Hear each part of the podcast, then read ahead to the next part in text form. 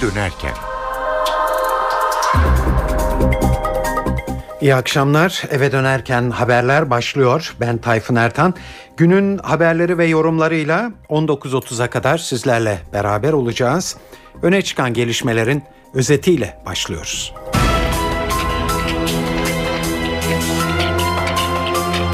İstanbul'da Gezi Parkı'ndaki eylem 3. gününde toplumun hemen her kesiminden göstericiler Topçu Kışlası'nın yapılacağı alanda ağaçların kesilmesini engellemek için yine parktalar. Anayasa Mahkemesi Başkanı Haşim Kılıç, kamu gücünü ellerinde tutanların hayat tarzlarına müdahale etmeleri kabul edilemez diye konuştu. 9. Cumhurbaşkanı Süleyman Demirel 65 yıllık hayat arkadaşı Nazmiye Demirel'i toprağa verdi. Kültür Bakanlığı sanat yapısını sil baştan değiştiren bir kanun taslağı üzerinde çalışıyor. Bakanlığın İngiltere'deki sanat konseyini örnek aldığı söyleniyor. Ehliyet almak zorlaştı. Sınavı geçmek için artık iki aracın arasına park edebilmek ve yokuşta arabayı durdurup kaldırabilmek gerekecek. Ve Suriyeli muhalifler Esad gitmeden katılmayız deyince Rusya ve Amerika'nın düzenlemeye çalıştığı uluslararası konferans tehlikeye düştü.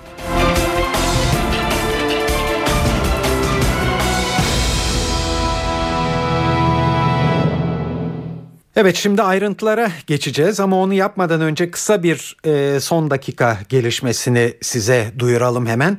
Suriye sınırında e, malum tansiyon gergin ve gergin olmaya devam ediyor. Son olarak silahlı kuvvetler Hatay'da Asi Nehri kenarında devriye görevinde bulunan bir zırhlı araca Suriye tarafından 3-5 kişinin hedef gözetmeksizin 15-20 el ateş ettiğini duyurdu. Az önce geldi bu bilgi. Genelkurmay devriye timinin ateşe karşılık verdiğini açıkladı. Olayda ölen ya da yaralanan yok. Genelkurmay ateş açan kişilerin Suriye tarafına kaçarak gözden kaybolduğunu da belirtiyor.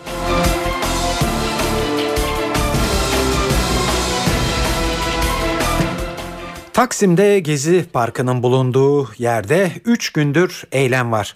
Toplumun hemen her kesiminden yüzlerce kişi Topçu Kışlası'nın yapılacağı alanda ağaçların kesilmesini engellemek için toplandı. Gece gündüz ara vermeden nöbet tutulmakta. Güvenlik güçleri bu sabah dağılması için gruba biber gazıyla müdahale etti ve iş makinaları çalışmaya başladı. Ancak tepkiler üzerine makinalar yeniden kontak kapattı. Gezi Parkı'nda bekleyiş sürüyor. Kalabalığa siyasetçilerden de destek var.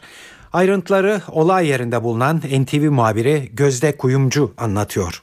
Taksim Yayalaştırma Projesi kapsamında Gezi Parkı'nın yeniden yapılandırılması, buradaki ağaçların sökülecek olması ve tabii Topçu Kışlası adı altında bir alışveriş merkezinin inşaatı. İşte tüm bu nedenler buradaki eylemcilerin 3 gündür bekleyişinin nedeni ve bekleyiş sürüyor. Kalabalık artıyor. Üçüncü gününde kalabalığın iyiden iyiye arttığını söyleyebiliriz. İşte buraya gelenler kimi zaman yere serdikleri örtülerin üzerinde oturarak, kimi zaman dolaşarak, kitap okuyarak burada vakit geçiriyorlar. Bekleyişlerini, eylemlerini sürdürüyorlar. Pankartlar yeniden asıldı. Sabahki müdahalenin ardından çadırların yeniden kurulduğunu, çadır sayısının arttığını söyleyebiliriz. Halk evleri buraya gelenler arasında bir grup halk evlerinden gelen oldu ve tabii sık sık siyasi isimler de burayı ziyaret ediyor demiştik. Gürsel Tekin ve Umut Orhan Genel Başkan Yardımcıları CHP'nin buradaydı saat 11 sularında ve özellikle burada her gün CHP'li birinin kalacağını ve buradaki eylemlerin eylemin takip edileceğini söylediler. Taksim platformu tarafından megafonlardan da duyuru yapıldı.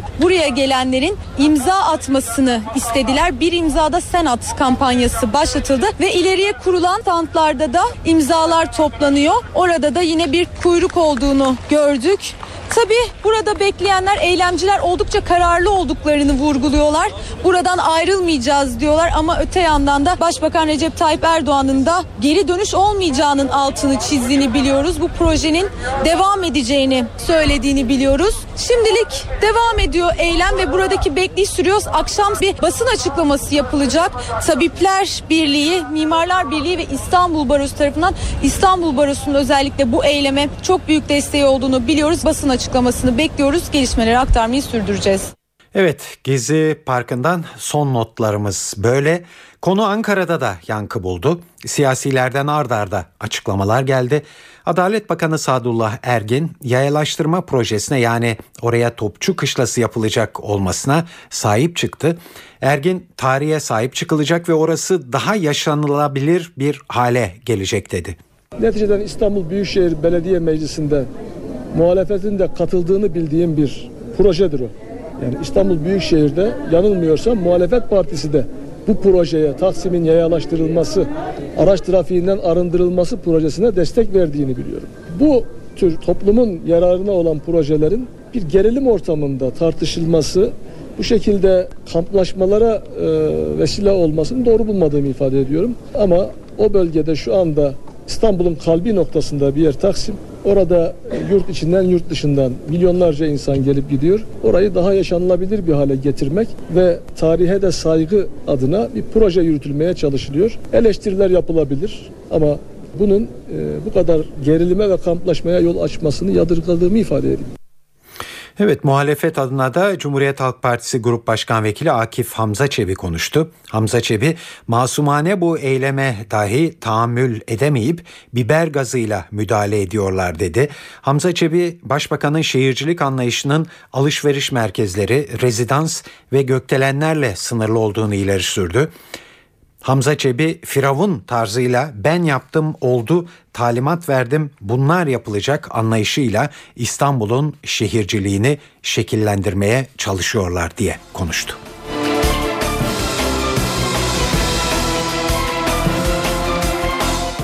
İfade özgürlüğü ve yargı sisteminin işleyişine dikkat çekici eleştiriler getiren Anayasa Mahkemesi Başkanı Haşim Kılıç, bu kez de yeni toplumsal sözleşmenin nasıl olması gerektiğini anlattı. TÜSİAD'ın Yüksek İstişare Konseyi toplantısında onur konuğu olarak konuşan Kılıç, yeni anayasanın insan onurunu en önemli değer olarak görmesi gerektiğini söyledi. Kılıç, hakimlere de eleştiriler getirdi. Uluslararası belgelerle bizim milli yasalarımız arasında eğer temel haklar konusunda bir çatışma çıkarsa üstünlüğü uluslararası yasalar, e, belgelere uluslararası değerlere verilmesi gerektiği konusunda anayasada bir açık emir vardı. Ama bu açık emri maalesef yargıçlarımız ve mahkemelerimiz hayata geçirmede başarılı olamadı. Ve bu başarısızlık nedeniyledir ki insanlarımız Avrupa İnsan Hakları Mahkemesi'nin yolunu tuttu. 1982 yılında kişiye dönük özel tasarım sonucu Cumhurbaşkanlığını ortaya çıkaran anayasamız sorun kaynağı olmaya devam etmektedir. Yapılacak anayasanın yüksek bir katılımla kabulünü sağlayacak ortak projelerin üzerinde yoğunlaşmaktır.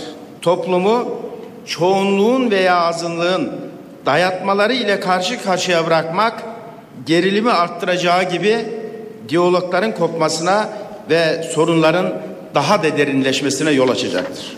Yeni anayasanın odak noktasını oluşturacak insanlık onuru anayasanın tüm hükümlerinin rafine edilmiş özetidir.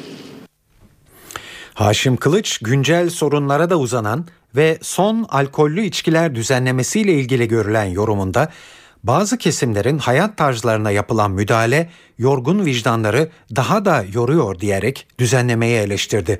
Kılıç toplum vicdanı ikna edilmeden atılan adımlar demokratik hukuk devletinin sicilini bozmaktan başka bir sonuç doğurmadı. Kamu gücünü kullananların hak ihlaline sebep olması kabul edilemez dedi.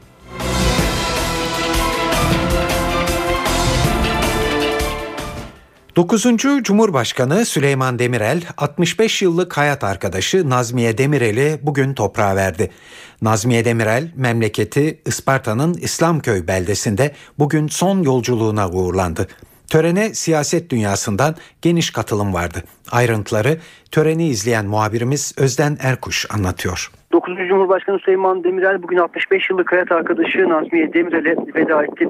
Süleyman Demirel memleketi İslamköy'e sabah saatlerinde geldi. Helikopterle İslamköy'e geçtikten sonra bir süre dinlenmek üzere Süleyman Demirel Vakfı Hizmet Binası'ndaydı ve burada da taziyeleri kabul etti. Törene çok sayıda siyasi katıldı. Siyaset, bürokrasi, iş dünyasının önde gelen isimleri vardı. Camide Türkiye Büyük Millet Meclisi Başkanı Cemil Çiçek ve hükümet adına Başbakan Yardımcısı Bülent Arınç Isparta'daydı. Demirel'e başsağlığı dileğinde bulundular. Cumhuriyet Halk Partisi lideri Kemal Kılıçdaroğlu ise Antalya Milletvekili eski Genel Başkan Deniz Baykal'la geldi Isparta'ya. Onlar da Demirel'e başsağlığı dileğinde bulundular. Yine cenazede yer alan liderlerden biri de Milliyetçi Hareket Partisi'nin Genel Başkanı Devlet Bahçeli'ydi. Hüsamettin Cindoruk, Agah Oktay Güner, Köksal Toptan, Yaşar Okuyan, Murat Karayalçın, Hikmet Çetin, Sümer Oral, Esat Kıratlıoğlu, kısa süre önce tahliye edilen Mehmet Ağar, Şişli Belediye Başkanı Mustafa Sarıgül gözümüze çarpan isimler arasındaydı. Yine iş adamları İnan Kıraç'la Rahmi Koç da cenazede hazırdı. Cenaze namazı kılınmadan önce Süleyman Demirel'in oturması için tabutun hemen yanı başına bir koltuk getirildi. Ancak Süleyman Demirel eşinin cenaze namazında ayakta olmak istedi ve ayakta saf tuttu. Ardından cenaze namazından sonra Nazmiye Demirel'in tabutu aile mezarlığına götürüldü. 9. Cumhurbaşkanı Süleyman Demirel 65 yıl boyunca çalkantılı siyaset yaşamında her zaman yanında olan eşi Nazmiye Demirel'e dualarla veda etti. Özden Erkuş, NTV Radyo, Isparta, İslamköy. Şimdi biraz yakından bakalım Nazmiye Demirel'e. Hem Süleyman Demirel'in siyasi yaşamında nasıl bir rol oynadığını hem de nasıl bir kişiliğe sahip olduğunu Demirel'in Liderlik Sırları adlı kitabın yazarı Celal Kazdağlı anlatıyor. Bir kere akrabalar dayısının e, kızı dolayısıyla yaş itibariyle de birbirlerine çok yakın e, sayılabilecek yaşlarda e, aynı e, İslamköy'de büyüyorlar. Aynı havayı teneffüs ediyorlar. Akraba oldukları için de zaten bir temas da var. Ve aile e, o küçük yaştan itibaren e, ikisinin evlenmesine uygun e, görüyor. E, üniversiteye başlamadan önce de lise bitince de Süleyman Bey lise e, öğretimi bitince Afyon Lisesi'ni bitirdikten sonra da nişan yapıyorlar kendi aralarında. E, üniversite bittikten sonra da evleniyorlar e, 1948 yılında. Süleyman Demirel'in politikalarına, siyasi durumuna hiç karışmayan bir isim aslında diğerlerine baktım. İlk First Lady ama politikaya bir aktif olarak katılan işte şu şuraya gelsin bu buraya gelsin gibi mülazılarda bulunan bir isim değil. Siyasi değerlendirmelerde de çok fazla fazla bulunmuyor ama daima eşinin yanında ona yardımcı olan, e, onun e, köyle kent arasındaki uyumunu sağlayabilen ve o düzeni evin içerisinde kuran bir isim. Araba kullanması o modernizme olan özlem. Bu aslında o dönemdeki Anadolu insanının, Anadolu kadınının e, şehre, kente, kentlileşmeye olan özleminin de bir e, tezahürü dışa vurumundan ibaret bir şey. Köyün değerlerini, geleneksel e, değerleri bir yandan koruyacaksın, yaşatacaksın ve onlara saygı göstereceksin. Onlarla birlikte olmayı sürdüreceksin ama aynı zamanda onları aşıp kentin o soylu asilzadelerin sizi kabul etmesini sağlayabilecek yeni değerleri de benimsemiş olacaksınız. Bu ikisini bir arada harmanlayacaksınız ve bunu yaparken de çok öne çıkmayacaksınız. Geride kalacaksınız. Çünkü Anadolu insanının o günkü algısı özellikle kadının geride durması ve erkeğin önde e, olması. Ama buna rağmen yine de Nazmiye Hanım yeterince önde. Çünkü araba kullanılıyor. Kuaföre gidiyor, saç yaptırıyor. E, ve eşiyle birlikte mitinglere çıkıyor. E, beraber Anadolu'ya dolaşabiliyor. Siyasetin parçası oluyor. Ama siyaseti yapan bir isim e, onu paylaşan, o konuda e, eşini yönlendirmeye çalışan birisi değil. Ona yardımcı olmaya çalışan. Böyle durmak daha doğrudur, iyidir. Bunu yapmamız bizim için şu anda uygunduru kabul etmiş ve onu benimsemiş, uygulamış birisi.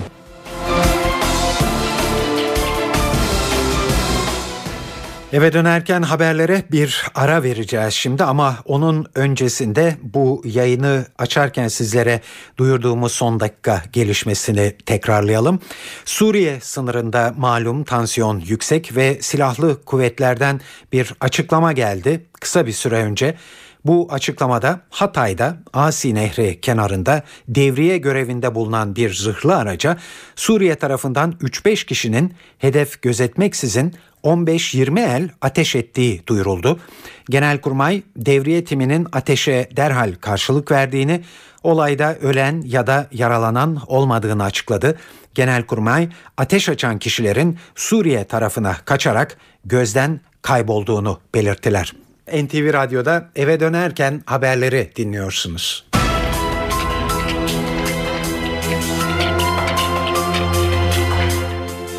İstanbul'da dün temelleri atılan 3. köprüye Yavuz Sultan Selim adının verilmesi tartışmaları tahmin edildiği gibi beraberinde getirdi. Muhalefet yeni köprünün 8 yıl kaldığı tahta doğuda Alevilere karşı katliamlara giriştiği iddia edilen bir padişahın ismiyle anılacak olmasına tepkili. CHP adına Grup Başkan Vekili Akif Hamza Çebi konuştu bugün. Hamza Çebi illa bir padişah ismi vermek mi gerekiyor?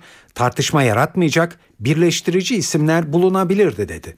Tartışma yaratmayacak isimler bulunabilir. Daha birleştirici isimler bulunabilir. Mimar Sinan Köprüsü diyebiliriz.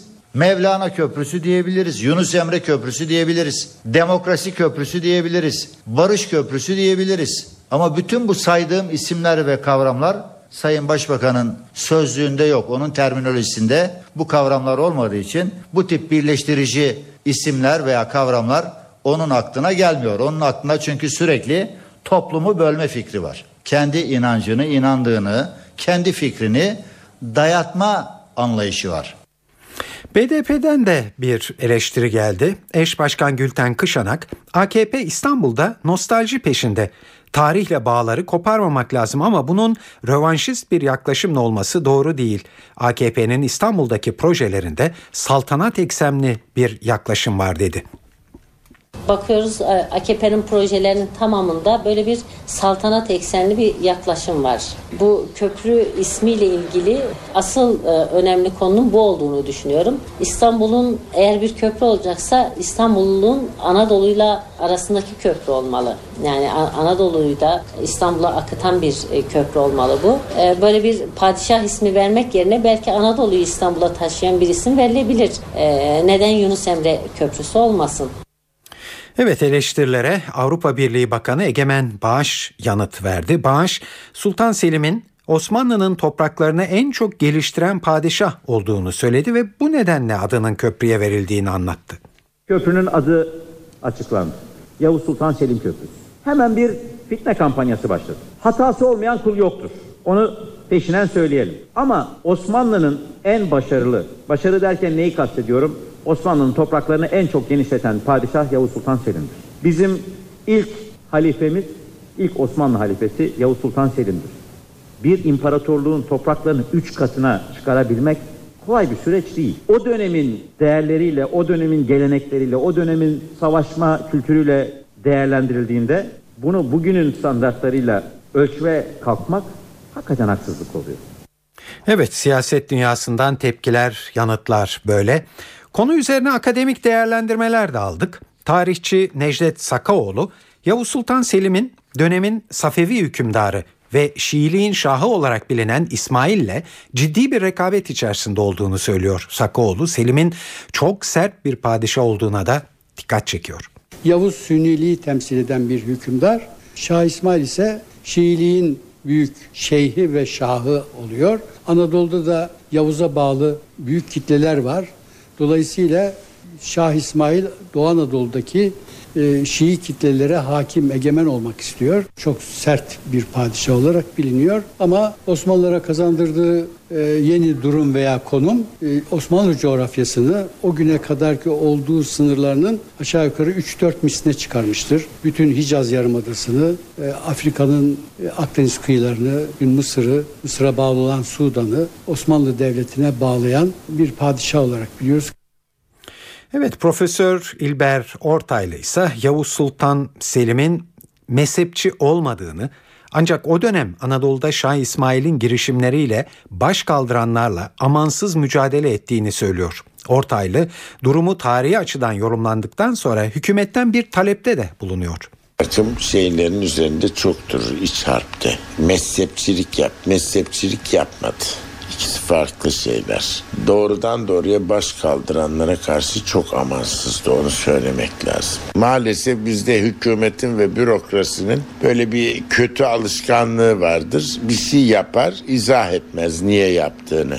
Gerekçesiz iş yapılmaz. Hele demokrasilerde hiç olmaz çünkü vergi mükellefinin parasıyla yapıyorsun. Niye Yavuz Selim? Bunu açıklamadığın takdirde spekülasyon ve dedikodu çıkar.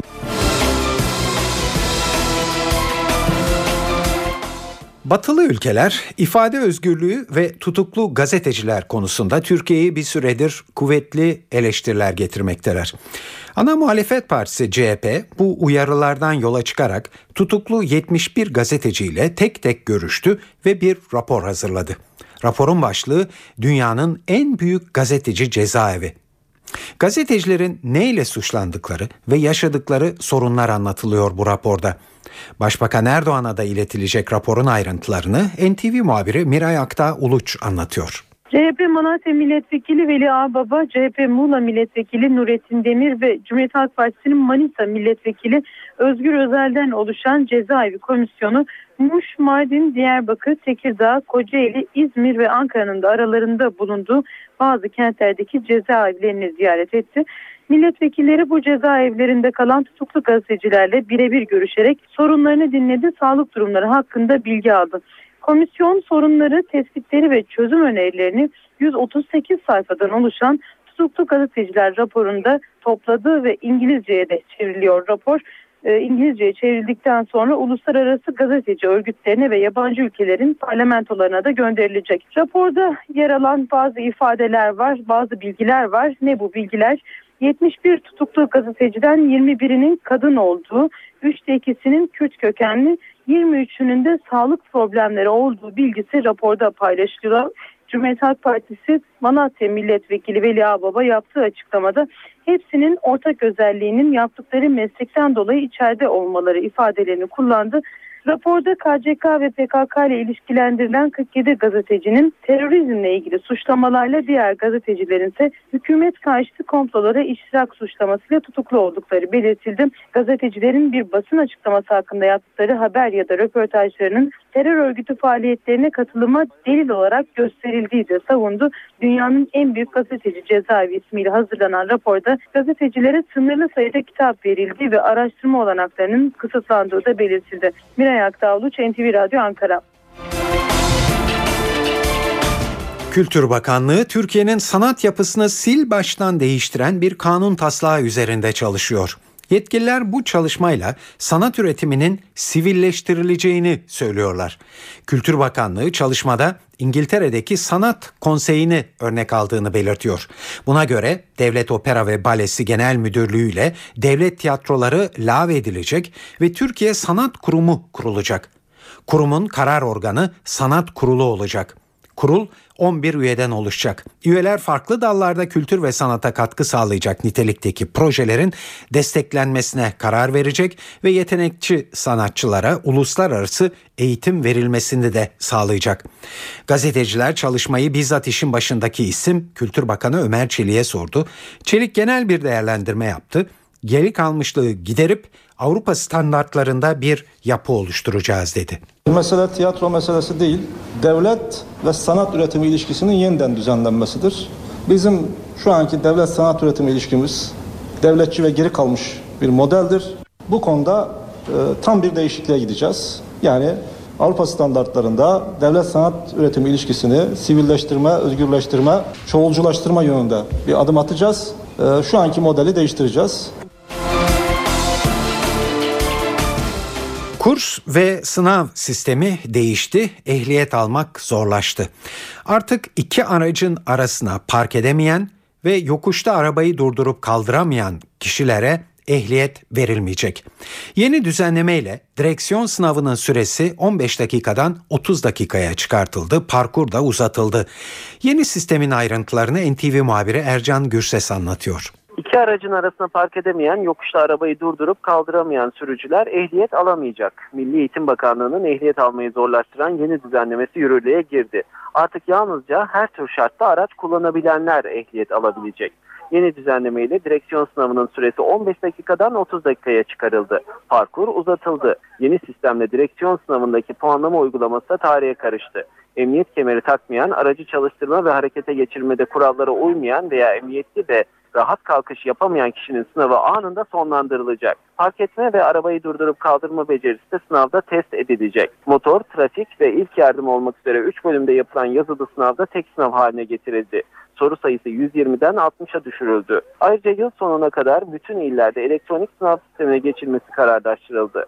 Yine düzenlemeye teorik ve direksiyon eğitiminde de köklü değişikliklere gidildi. Buna göre direksiyon eğitimine gece uygulamaları da eklendi. Trafikte çalışma zorunluluğu 10 saatten 13 saate çıkarıldı. Teorik ders programı revize edildi. Kaza tutanağının nasıl tutulacağı, trafik psikolojisi gibi konular da eklendi. Ayrıca teorik ders saatleri yarı yarıya azaltıldı. Yeni düzenleme 1 Haziran'dan itibaren başlayan dönemler için geçerli olacak. Ercan Gürses, NTV Radyo Ankara.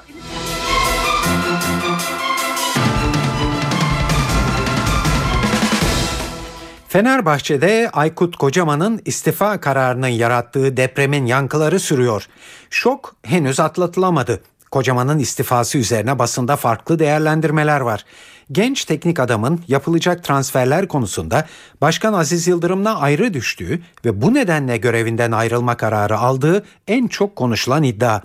Camiada olup bitenin arka yüzünü Fenerbahçe'yi iyi bilen bir isimle konuştuk. Sabah gazetesi yazarı Gürcan Bilgiç'i dinliyoruz. Az Yıldırım'ın istedikleriyle Aykut Kocaman'ın yapmayı planladığı Fenerbahçe'nin geleceği için kurduğu temelin üstüne yapmayı planladığı e, bina birbirini örtmedi.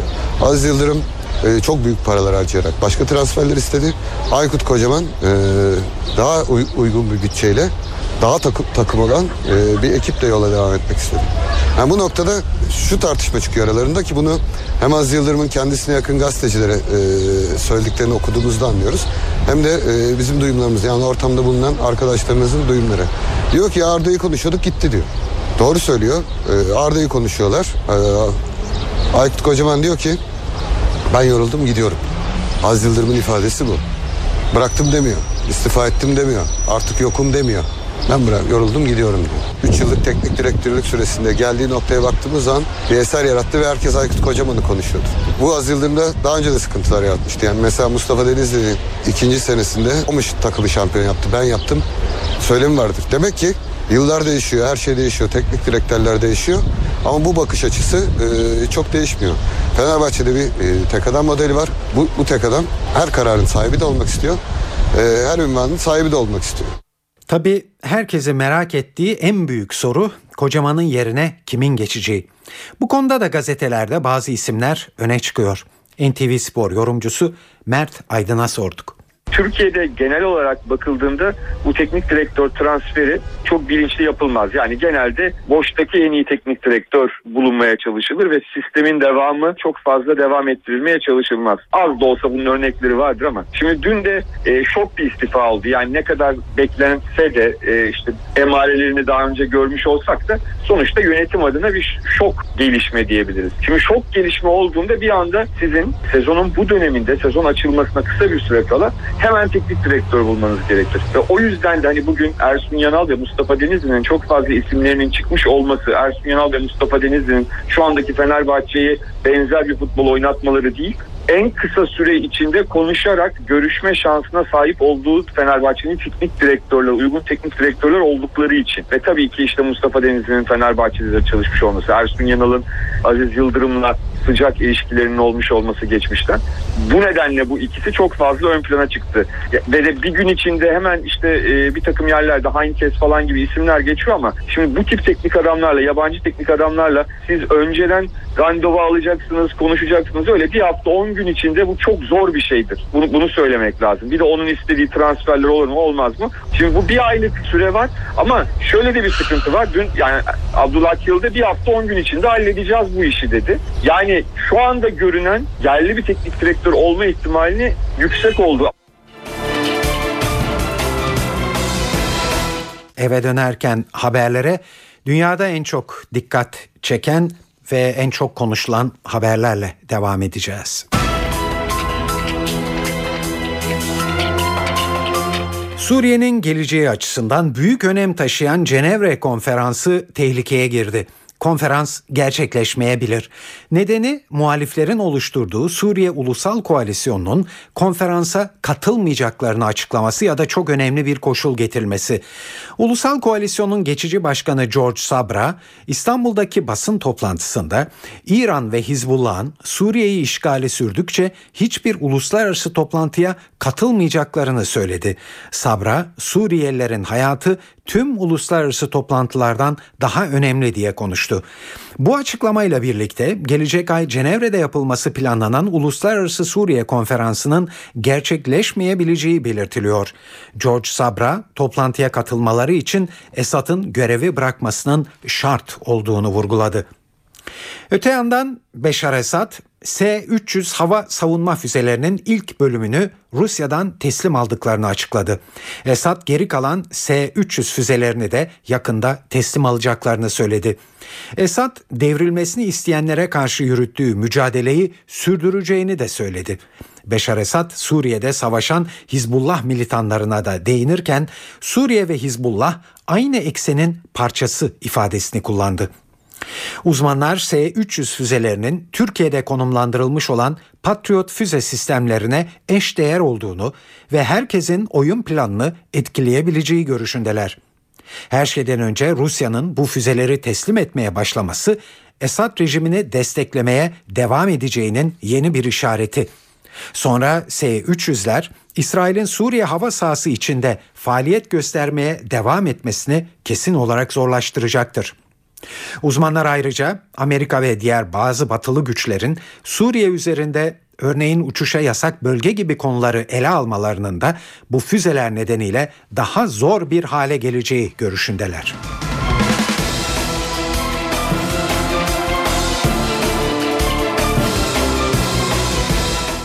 Dün İstanbul'da Fethin 360. yılı kutlanırken aynı dakikalarda Yunanistan'ın başkenti Atina'da da İstanbul için bir gösteri düzenlendi. Çok farklı bir gösteriydi bu. Irkçı Altın Şafak Partisi'nin üyeleri parlamento önünde toplandı ve İstanbul'u geri atacağız sloganları attı. Öncesinde de Yunan Meclisi'nde Altın Şafak Partisi'nin sözcüsü 29 Mayıs İstanbul'un fethinin kara günü olarak anılması için Yunan parlamentosunda saygı duruşunda bulunulmasını önerdi.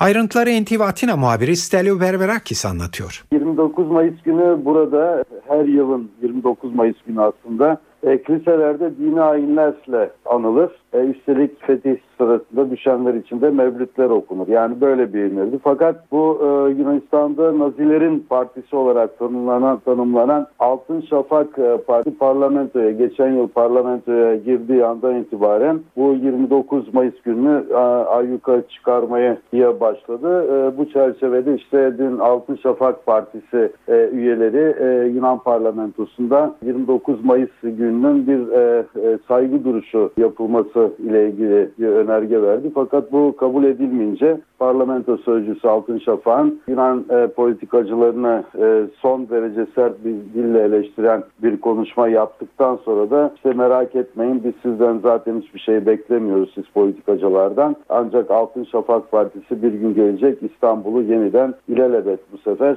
geri almayı e, başaracaktır şeklinde de bir e, konuşma yaptı. Tabii Altın Şafak Partisi bu 29 Mayıs anma günü Yunanistan'daki resmen anılan bugünü şova dönüştürüyor. Fakat pek de ciddiye alınmıyor ne Yunan kamuoyu tarafından ne de siyasi partiler tarafından üstelik bir de eleştiriliyor. Ee, bu törenlerde ne yapıyor diye soracak olursak e, Altın Şafak'ın işte Bizans'ın son imparatoru Konstantin'in Atina'da iki tane irili ufaklı iki tane e, heykeli var. Onun önünde e, çelenkler koyuyorlar. Hatta dün Yunan parlamentosu önündeki meçhul asker anıtı önünde de önüne de giderek bir çelenk koydu Altın Şafak Partisi Başkanı Nikos Mikaloliakos. E, onun dışında da e, bugünkü e, Yunanistan'ın mali krizde boğuşanlarının yani 2013 Yunanistan'ını 1453'te e, İstanbul'un fethiyle sonuçlanan 1453 yılına benzeterek yabancıların hiçbir zaman Yunanistan'a ne de Helen dünyasına yardım etmediği gibi bazı benzetmeler de yapılıyor.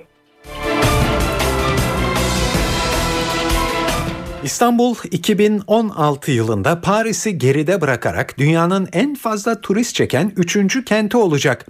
Bu saptama Mastercard'ın 132 kenti kapsayan araştırmasının sonucu.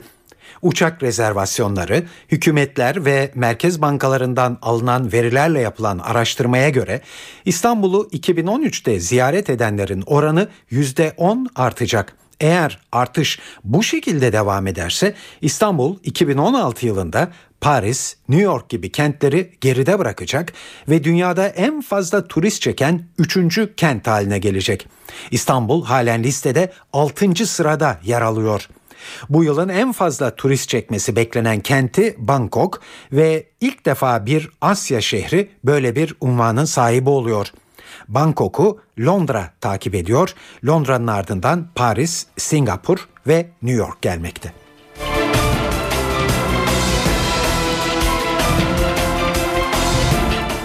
SARS benzeri yeni bir virüs tüm dünya için korku yarattı. Kaynağı Orta Doğu olan virüsün nasıl ortaya çıktığı henüz anlaşılabilmiş değil. Soğuk algınlığına benzer belirtiler gösteren virüs %50 oranında ölüm riski taşıyor. Dünya Sağlık Örgütü sözcüsü Gregory Harty şu uyarıda bulundu.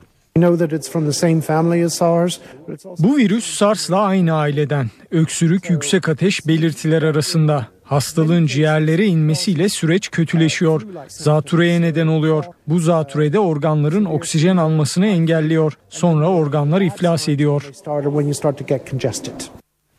Evet şu ana kadar çoğunluğu Arap Yarımadası'nda olmak üzere toplam 49 vakaya rastlandı ve 27 kişi hayatını kaybetti. Virüsün görüldüğü ülkeler arasında Suudi Arabistan, Katar, Birleşik Arap Emirlikleri, Ürdün, Fransa, Almanya ve İngiltere var. Nasıl bulaştığı tam olarak bilinmese de yakın temasın hastalığın geçmesinde etkili olduğu belirtilmekte.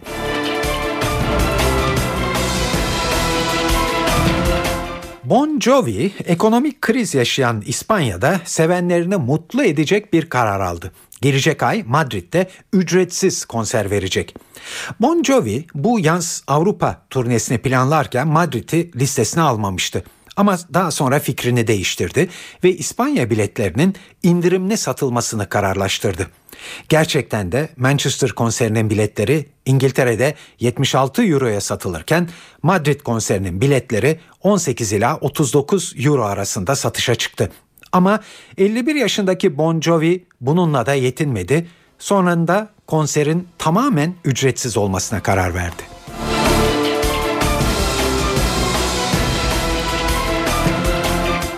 Beşiktaş'ta seçim tarihi yaklaşıyor. Siyah beyazlı kulüpte 3 yıl süreyle görev yapacak Başkan ve Yönetim Kurulu 9 Haziran Pazar günü yapılacak seçimli genel kurulla belirlenecek.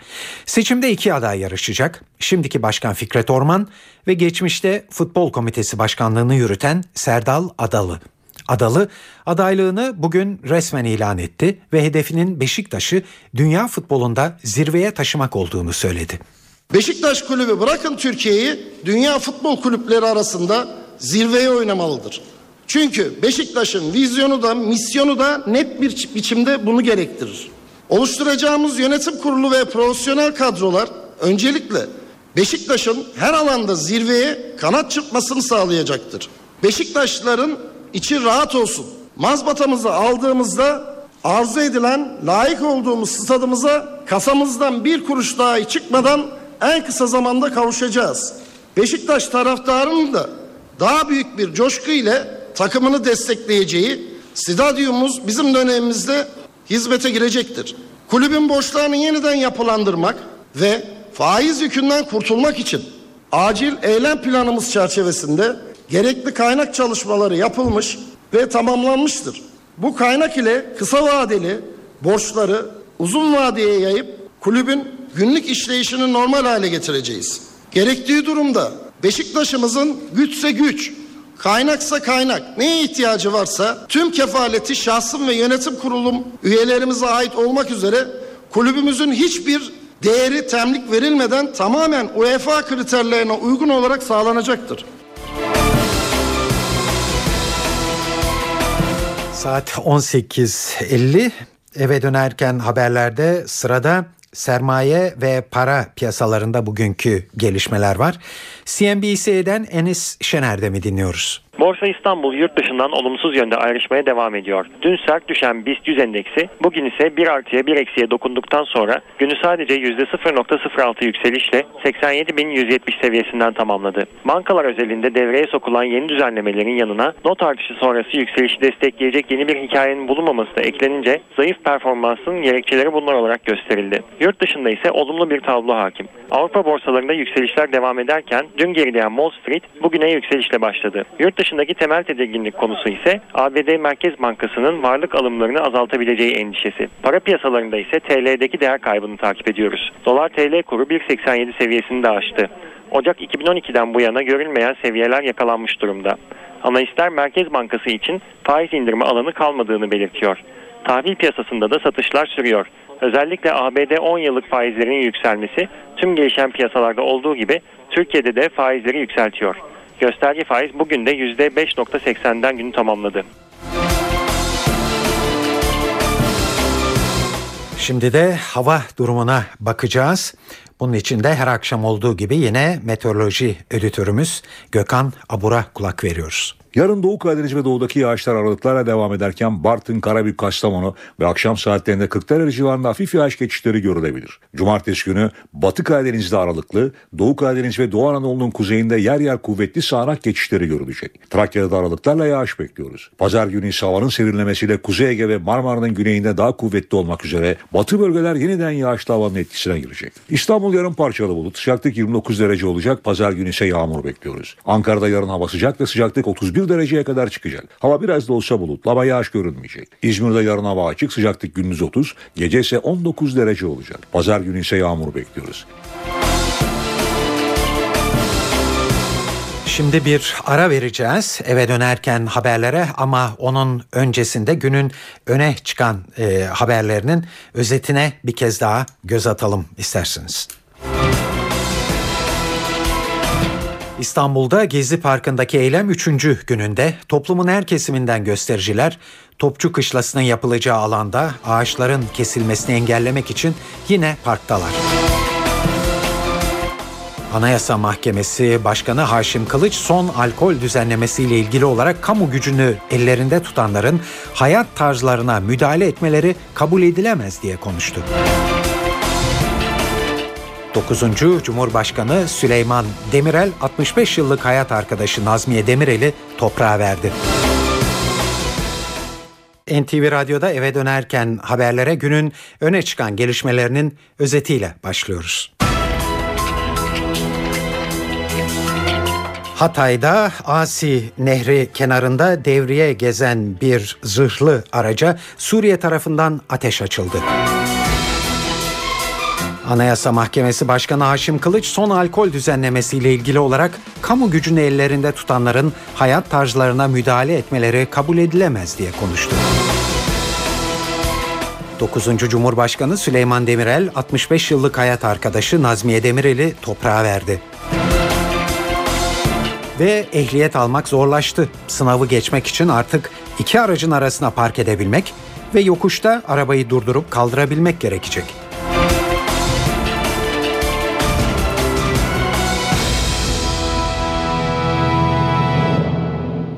Şimdi ayrıntılar. Suriye sınırında tansiyon yine yüksek. E, silahlı kuvvetlerden yapılan açıklamada Hatay'da Asi Nehri kenarında devriye görevinde bulunan bir zırhlı araca Suriye tarafından 3-5 kişinin hedef gözetmeksizin 15-20 el ateş ettiği duyuruldu. Genelkurmay devriye timinin ateşe derhal karşılık verdiğini, olayda ölen ya da yaralanan olmadığını açıkladı. Genelkurmay ateş açan kişilerin Suriye tarafına kaçarak gözden kaybolduğunu belirtti.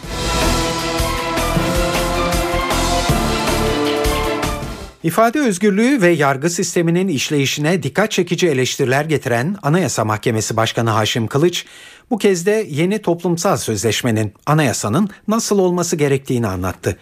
TÜSİAD'ın Yüksek İstişare Konseyi toplantısında onur konuğu olarak konuşan Kılıç, yeni anayasanın insan onurunu en önemli değer olarak görmesi gerektiğini söyledi.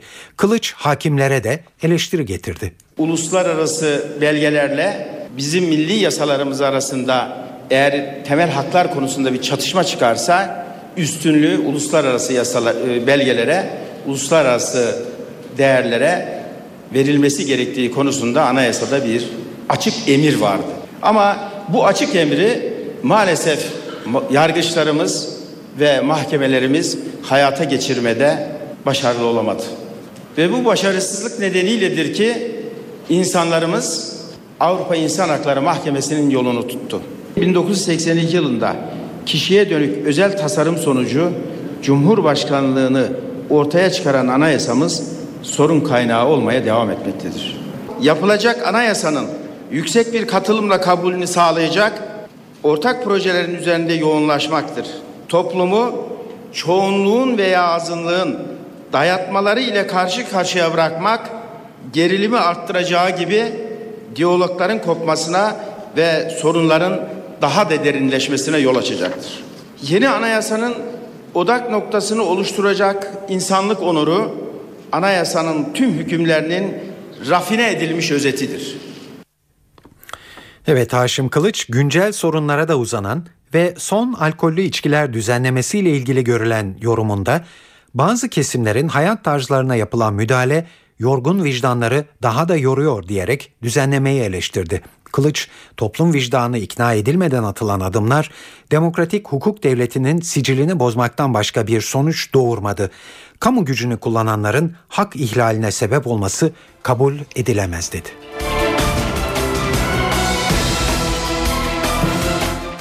Dokuzuncu Cumhurbaşkanı Süleyman Demirel 65 yıllık hayat arkadaşı Nazmiye Demirel'i toprağa verdi. Nazmiye Demirel memleketi Isparta'nın İslamköy beldesinde bugün son yolculuğuna uğurlandı. Törene siyaset dünyasından geniş katılım vardı. Ayrıntıları töreni izleyen NTV muhabiri Özden Erkuş anlatıyor. 9. Cumhurbaşkanı Süleyman Demirel bugün 65 yıllık hayat arkadaşı Nazmiye Demirel'e veda etti. Süleyman Demirel memleketi İslamköy'e sabah saatlerinde geldi. Helikopterle İslamköy'e geçtikten sonra bir süre dinlenmek üzere Süleyman Demirel Vakfı Hizmet binasındaydı ve burada da taziyeleri kabul etti. Törene çok sayıda siyasi katıldı. Siyaset, bürokrasi, iş dünyasının önde gelen isimleri vardı. Camide Türkiye Büyük Millet Meclisi Başkanı Cemil Çiçek ve hükümet adına Başbakan Yardımcısı Bülent Arınç Isparta'daydı. Demirel'e başsağlığı dileğinde bulundular. Cumhuriyet Halk Partisi lideri Kemal Kılıçdaroğlu ise Antalya Milletvekili eski Genel Başkan Deniz Baykal'la geldi Isparta'ya.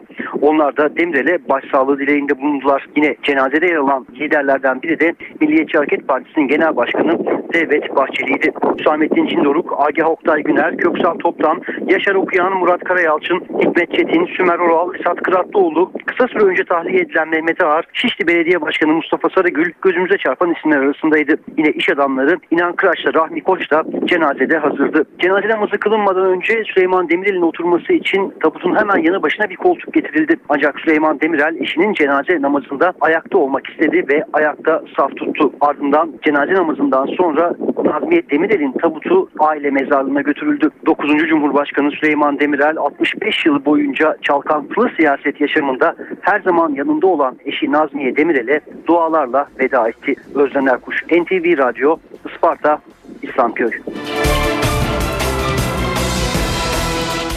Kurs ve sınav sistemi değişti, ehliyet almak zorlaştı. Artık iki aracın arasına park edemeyen ve yokuşta arabayı durdurup kaldıramayan sürücüler ehliyet alamayacaklar. Yeni düzenleme ile direksiyon sınavının süresi 15 dakikadan 30 dakikaya çıkartıldı, parkur uzatıldı. Yeni sistemin ayrıntılarını NTV muhabiri Ercan Gürses anlatıyor. İki aracın arasına park edemeyen, yokuşta arabayı durdurup kaldıramayan sürücüler ehliyet alamayacak. Milli Eğitim Bakanlığı'nın ehliyet almayı zorlaştıran yeni düzenlemesi yürürlüğe girdi. Artık yalnızca her tür şartta araç kullanabilenler ehliyet alabilecek. Yeni düzenlemeyle direksiyon sınavının süresi 15 dakikadan 30 dakikaya çıkarıldı. Parkur uzatıldı. Yeni sistemle direksiyon sınavındaki puanlama uygulaması da tarihe karıştı. Emniyet kemeri takmayan, aracı çalıştırma ve harekete geçirmede kurallara uymayan veya emniyetli de rahat kalkış yapamayan kişinin sınavı anında sonlandırılacak. Park etme ve arabayı durdurup kaldırma becerisi de sınavda test edilecek. Motor, trafik ve ilk yardım olmak üzere 3 bölümde yapılan yazılı sınavda tek sınav haline getirildi. Soru sayısı 120'den 60'a düşürüldü. Ayrıca yıl sonuna kadar bütün illerde elektronik sınav sistemine geçilmesi kararlaştırıldı. Yine düzenlemeyle teorik ve direksiyon eğitiminde de köklü değişikliklere gidildi. Buna göre direksiyon eğitimine gece uygulamaları da eklendi. Trafikte çalışma zorunluluğu 10 saatten 13 saate çıkarıldı. Teorik ders programı revize edildi. Kaza tutanağının nasıl tutulacağı, trafik psikolojisi gibi konular da eklendi. Ayrıca teorik ders saatleri yarı yarıya azaltıldı. Yeni düzenleme 1 Haziran'dan itibaren başlayan dönemler için geçerli olacak. Ercan Gürses, NTV Radyo Ankara.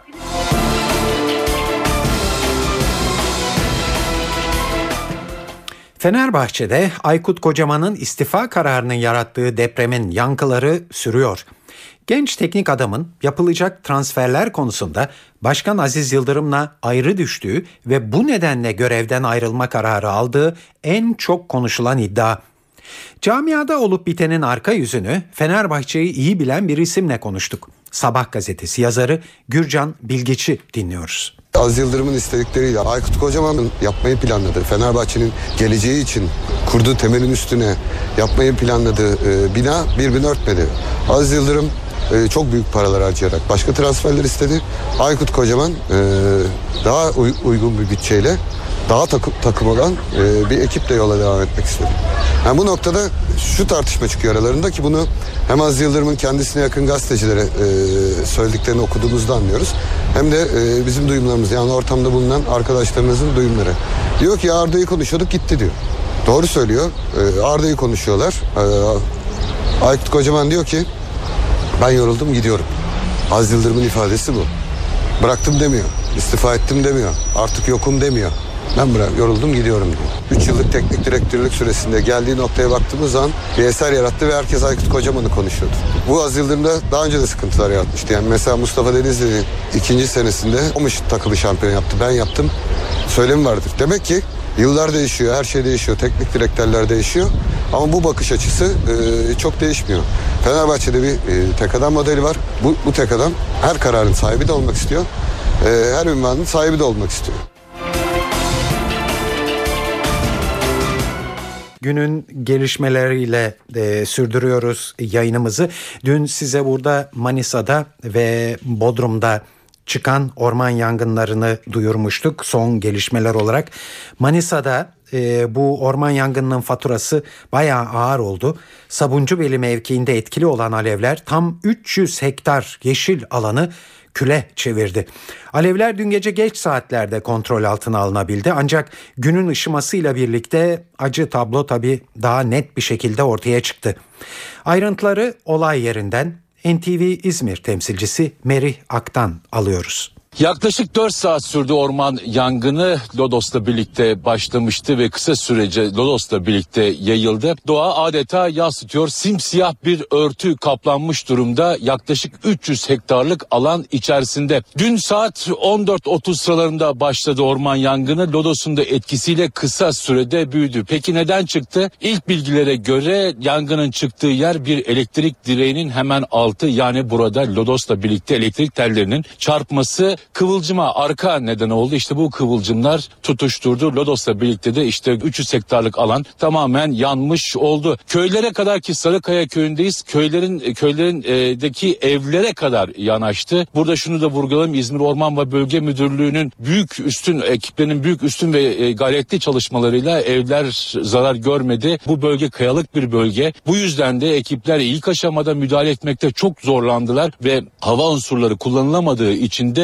yangın tepelere doğru ilerledi. 300 hektarlık bir alandan söz edelim. Sadece ormanlık alan değil buradaki köylülerin çiftlikleri, e, ağılları da yandı. Bir evinde yandığını biliyoruz. İzmir Manisa karayolda yaklaşık 6 saat süreyle trafiğe kapandı. Dün saat e, 14-15'ten itibaren trafiğe kapanmıştı. Saat 21 sıralarında te, yol tekrar açıldı ki bu süre içerisinde gidişler Turgutlu, gelişler ise Menemen üzerinden verildi. Gerçekten e, burası çok geniş bir e, yer. İzmir'e gelenler mutlaka bilecektir. Sağlı sollu ormanlık alan e, burası. Bu rüzgara karşın ormanlık alanda sadece 300 hektarlık bir alanın da yanmış olması ki en büyük teselli çünkü geniş bir alanı kapsıyordu bu bölge. Sarıkaya ve Koca Kaya'nın e, arasında kaldığı bir bölge burası. İşte burada yangın tutuldu. Ekiplerin üstün çalışmalarıyla birlikte ve akşamla saat 21 sıralarında yangın tamamen kontrol altına alınmış oldu. Yangının çıkış nedeniyle ilgili çalışmalar devam ediyor. Az önce bir nedeni söyledim. Bununla ilgili çalışmaların yoğun bir biçimde sürdüğünü belirtebiliriz. Yine Sarıkaya köyüne ait mezarlığın da tamamen tahrip olduğunu söyleyebiliriz. Ee, bir evin hasarlı olduğunu, bir evin yandığını belirtelim. Bununla ilgili de hasar tespit çalışmaları ilerleyen günlerde yapılacak. Yine orman e, yetkilileri önümüzdeki günlerde bölgede incelemeler yapılacak. Buradaki e, ağaçların durumuyla ilgili ki 300 hektarlık alanda etkili ancak bazı ağaçların yangından kurtulduğunu görebiliriz. Ancak bu ağaçlar büyük oranda kesilecek ve ilk hasat döneminde, ilk dikim döneminde de burası orman kanuna göre yeniden ağaçlandırılacak. Bunlar yaklaşık 40 yıllık, 40-50 yıllık ağaçlar da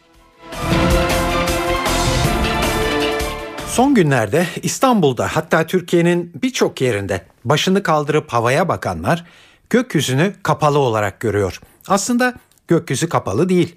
Çöl tozunun etkisiyle puslu ve kapalı gibi görünüyor. Çöl tozu Afrika üzerinden geliyor ve havanın kalitesini de bozuyor, kirliliğe yol açıyor. NTV muhabiri Korhan Varol, çöl tozunun daha ne kadar etkili olacağını Çevre ve Şehircilik Bakanlığı İstanbul İl Müdürü Ahmet Ay Yıldız'a sordu. 27'sinde başlayan e, etkilenme artarak devam etmektedir. Bir hafta bir süreci vardır. Bir haftalık Türkiye'yi etkileme durumu vardır. Peki en yoğun ne zaman görülecek?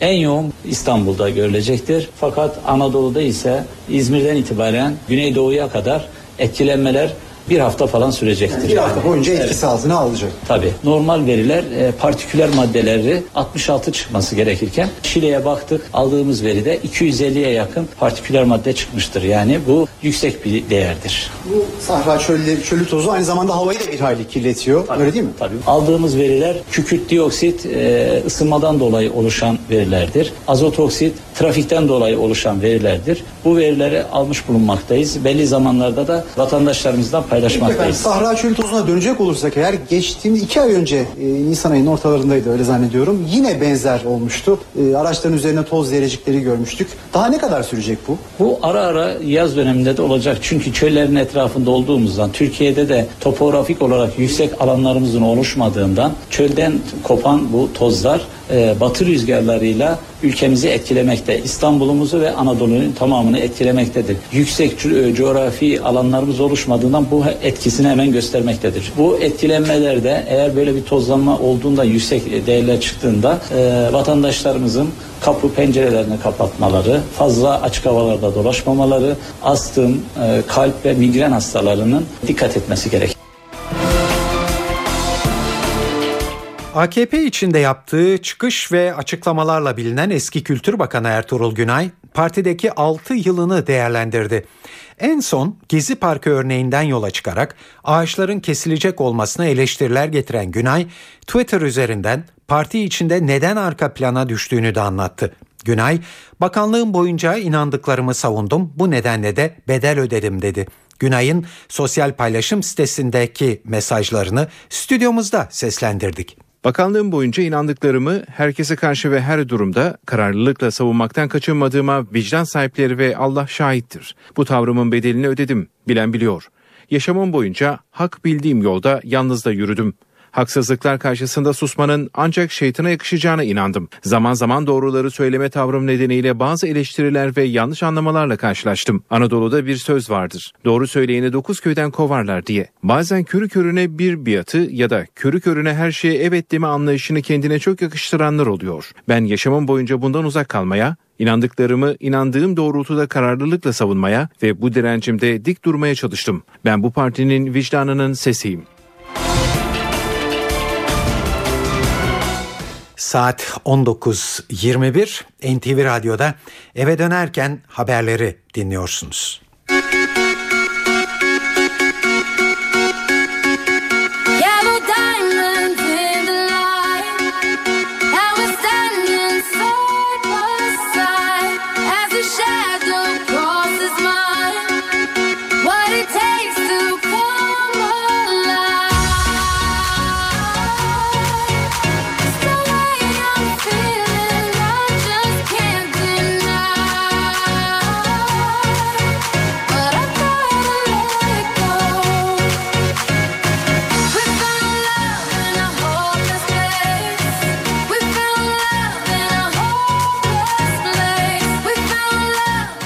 Unutulmaz maçlara tanık eden İnönü Stadı 11 Mayıs akşamı oynanan son maçın ardından yine son kez bir konsere ev sahipliği yapacak. Dünyaca ünlü yıldız Rihanna bu akşam İnönü'de sahneye çıkıyor. Milyonlarca hayranı olan popstarı Rihanna'nın konserinin biletleri günler öncesinden tükendi. İnönü Stadı da son kez bir etkinliğe ev sahipliği yapmış olacak bu şekilde ve stadyuma ilk kazma iki hafta içinde vurulacak. Yeni stat bir buçuk yıl sonra maçlara hazır olacak.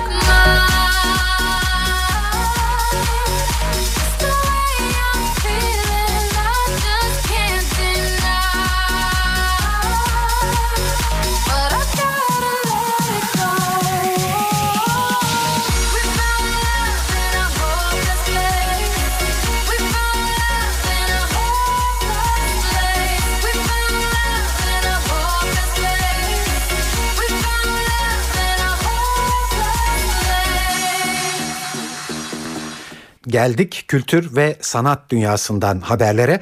Size çeşitli etkinliklerden bir derleme hazırladık. Shine bright like a diamond. Shine bright like a diamond. Rihanna bu akşam İstanbul'da konser veriyor. Diamond Dünya Turnesi kapsamında Türk hayranlarıyla ikinci defa buluşacak Barbadoslu ünlü şarkıcı İstanbul Colin Festivali kapsamında İnönü Stadyumunda bir konser verecek. İstanbul'daki ilk konserini 2010 yılında veren 6 Grammy ve 7 Billboard müzik ödülü sahibi genç şarkıcının dans şovlarıyla seyirci karşısına çıkacağı konseri için kapı açılışı saat 17'de. Hayko Cepkin de Jolly Joker'de olacak. Hayko Cepkin sevilen şarkılarıyla saat 21'de hayranlarının karşısına çıkacak. Bajarsa bu akşam Kadıköy sahnede olacak. Şehir yaşamının bir araya getirdiği insan öykülerini müziğin evrensel diline çeviren Bajar, Kürtçe ve Türkçe folk rock besteleriyle sevenlerinin karşısında olacak. Grubun konserinin başlama saati 21. Beyoğlu Hayal Kahvesi de Peki ağırlıyor bugün. İçimizdeki İz adını verdikleri albümden şarkılar seslendirecek grup saat 22.30'da sahnede. Şişli Blackout talimhane sahnesinde de Seni Seviyorum, Mükemmelsin, Şimdi Değiş adlı oyun sahneye konuyor. Broadway'de hit olmuş, 12 yıldır sahnelenen ve birçok ülkeye de uyarlanmış müzikal saat 20.30'da başlıyor. Ankara'dan da önerimiz var. Jolly Joker Ankara, Leyla'da Bende ev sahipliği yapıyor bu akşam. Son dönemin sevilen dizisi Leyla ile Mecnun'un oyuncularından oluşan grubun konseri saat 21'de. Akşam evdeyseniz CNBC'de Lucky You adlı film izlenebilir. Eric Bana, Drew Barrymore'un başrollerini paylaştığı film, poker dünyasının gözünü diktiği bir aşk hikayesini anlatıyor. Lucky You saat 22'de başlıyor. Öncesinde de saat 21'de Person of Interest ekranda olacak. E2'de ise saat 23'te Shameless izlenebilir. Star TV'de ise 20'de yeni bölümüyle 20 dakika, 22.15'te de Popstar ekrana gelecek.